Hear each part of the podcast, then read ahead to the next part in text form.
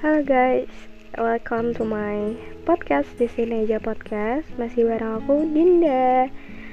Oke, okay, di sini aku mau ngebahas topik yang kayaknya relate banget nih sama aku sekarang, mungkin sama kalian juga. Kira-kira apa ya? Mungkin kalian bisa udah baca uh, di judul Move on sama orang yang belum pernah kita miliki. Kira-kira bisa nggak ya? Bisa lah, masa enggak? Jadi ceritanya di sini aku mau sharing ke kalian gimana caranya aku nge-treat dari aku sendiri supaya bisa menghadapi uh, kondisi seperti itu. Di mana aku dituntut untuk move on melupakan seseorang yang uh, literally belum pernah aku milikin. Dan pada dasarnya dia itu baik orangnya baik banget baik parah dan gak ada rekam jejak jelek sama sekali di hidup aku kan lebih susah ya kita ngelupainnya gitu. Dan biasanya uh, aku juga ngajak kalian untuk kalau misalnya punya pendapat lain atau saran lain boleh kirimin ke email yang udah aku cantumin di bio dan kita diskusi bareng.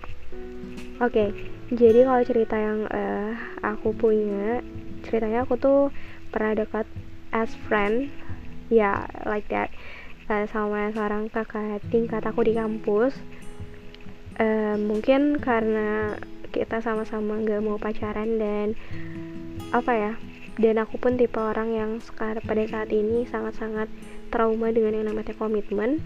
Jadi prinsipnya ya udah sih jalanin aja gitu. Dan mungkin dia pun seperti itu. Tapi pada akhirnya aku pikir dia mungkin ngerasa bahwasannya seiring berjalannya waktu dia menganggap bahwa aku tuh enaknya dijadiin temen aja gitu. Ngerti gak sih? Kalau aku ngerasanya kayak gitu. Dia enaknya ngejadiin aku temen aja atau enggak sebagai adik tingkat udah sebatas itu. Hep.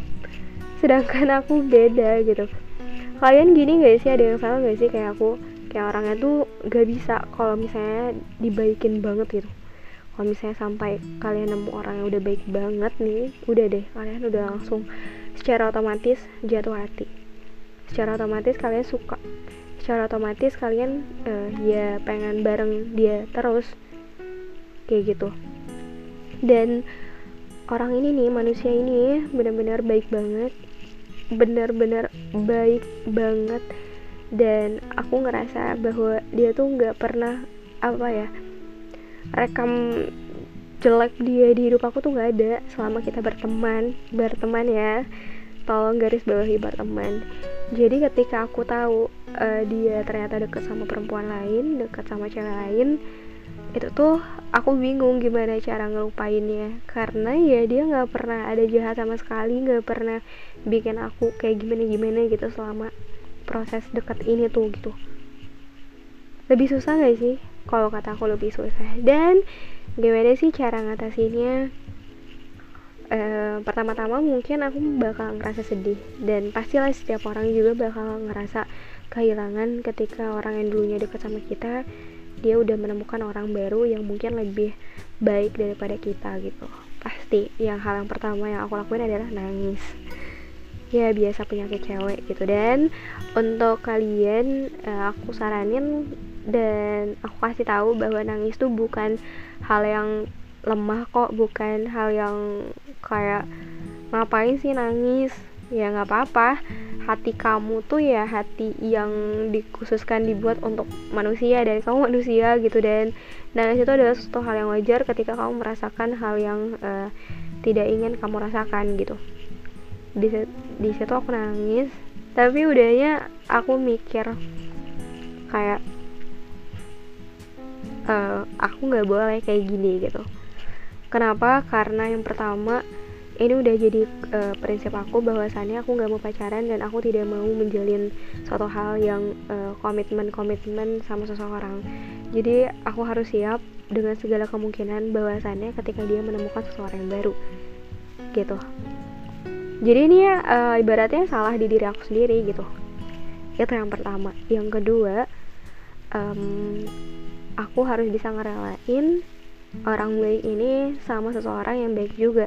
Dan aku percaya pilihan dia adalah yang terbaik menurut dia. Gitu loh dan aku juga mikirnya uh, masa dia sama aku tuh udah beres. Jadi ketika apa ya ketika ada orang-orang yang mulai pergi dari aku mulai berubah dari aku dan per perlahan mulai hilang aku menganggapnya bahwa masa dia sama aku tuh udah habis dan giliran sama orang lain. Makanya akhir-akhir ini dan udah beberapa waktu ini aku tuh tidak terlalu uh, apa ya tidak terlalu merasakan hal yang sakit banget ketika orang-orang yang dulunya ada sama aku tapi sekarang tiba-tiba jauh atau kayak gimana pun enggak karena aku menganggap bahwa masa masa dia tuh aduh sarak sorry masa dia tuh sama aku udah habis dan udah selesai. Giliran sama orang baru dan aku nggak boleh egois dengan aku nangisin dia aku nahan-nahan aku galau dan segala macam dan ya dan perasaan-perasaan negatif lainnya gitu. Justru ketika aku uh, lihat cowok ini dekat sama yang lain uh, aku ikut seneng pada akhirnya gitu mungkin awalnya sedih kan tapi pada akhirnya aku ikut seneng kenapa? Karena ya uh, ada harapan aku di sana bahwa bahwasannya orang baru itu dapat memberikan kebahagiaan yang memang seharusnya yang harus cowok ini dapat gitu. Karena ya aku udah bener-bener gak tahu lagi gimana caranya untuk bilang bahwa cowok ini tuh baik banget gitu.